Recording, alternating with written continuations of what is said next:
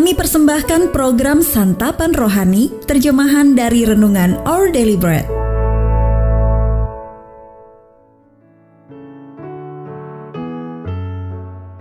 Sahabat ODB, pembacaan Alkitab hari ini terambil dari Keluaran 16 ayat 4 sampai 5, dilanjutkan dengan ayat 13 sampai 18. Keluaran 16 ayat 4 sampai 5 dilanjutkan dengan ayat 13 sampai 18. Lalu berfirmanlah Tuhan kepada Musa, Sesungguhnya aku akan menurunkan dari langit hujan roti bagimu.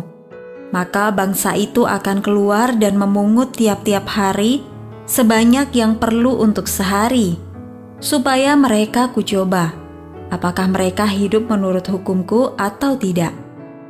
Dan pada hari yang keenam, apabila mereka memasak yang dibawa mereka pulang, maka yang dibawa itu akan terdapat dua kali lipat banyaknya dari apa yang dipungut mereka sehari-hari.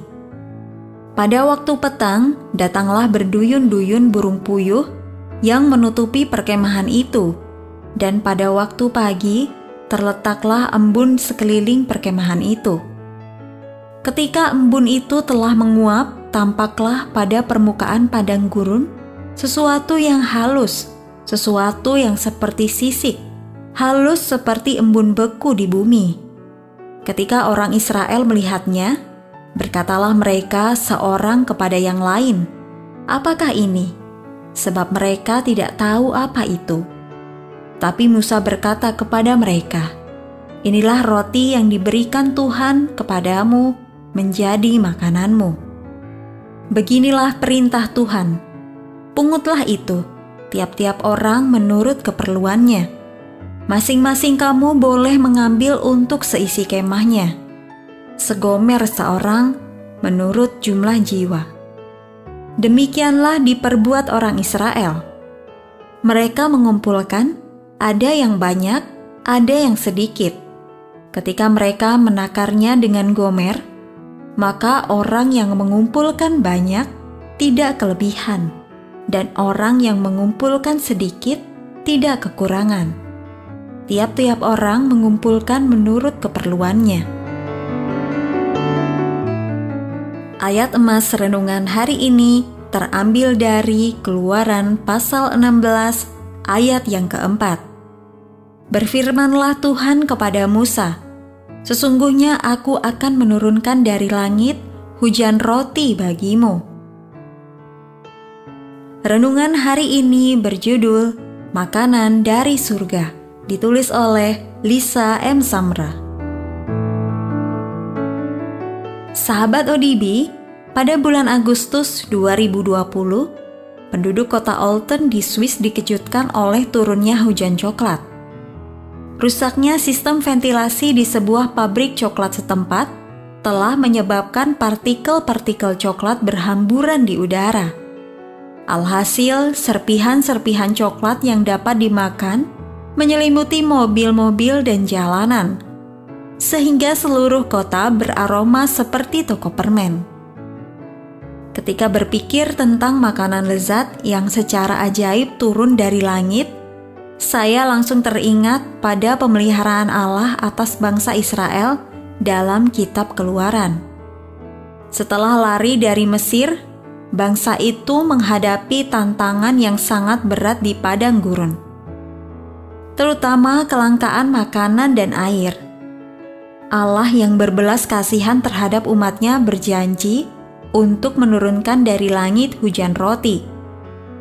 Keesokan paginya, selapis serpihan tipis tampak menyelimuti permukaan gurun. Penyediaan makanan yang disebut mana ini terus berlangsung setiap hari selama 40 tahun berikutnya. Ketika Yesus datang ke dunia dan melakukan mujizat dengan memberi makan orang banyak, orang-orang mulai percaya bahwa Dia berasal dari Allah. Namun Yesus mengajarkan bahwa dia sendirilah roti hidup yang diutus bukan sekadar untuk memberikan makanan yang bersifat sementara, melainkan juga hidup yang kekal. Bagi kita yang lapar dan membutuhkan santapan rohani, Yesus menawarkan hidup yang takkan pernah berakhir bersama Allah. Marilah kita percaya dan yakin bahwa Dia datang untuk memuaskan kerinduan-kerinduan kita yang terdalam itu. Sahabat ODB, ingatlah, kapan Anda mulai menyadari bahwa Anda membutuhkan Yesus? Bagaimana Anda mengalami jiwa Anda dipuaskan oleh Allah? Tuhan Yesus, terima kasih Engkau memilih datang ke dunia untuk menyerahkan nyawamu, supaya aku dapat menikmati hubungan dengan Allah untuk selamanya.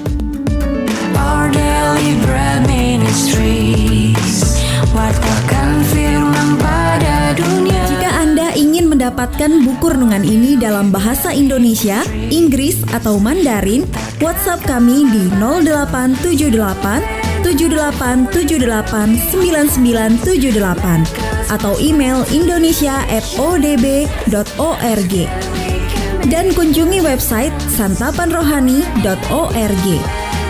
Persembahan kasih dari Anda memampukan All Deliberate Ministries menjangkau orang-orang agar diubahkan. Tuhan memberkati.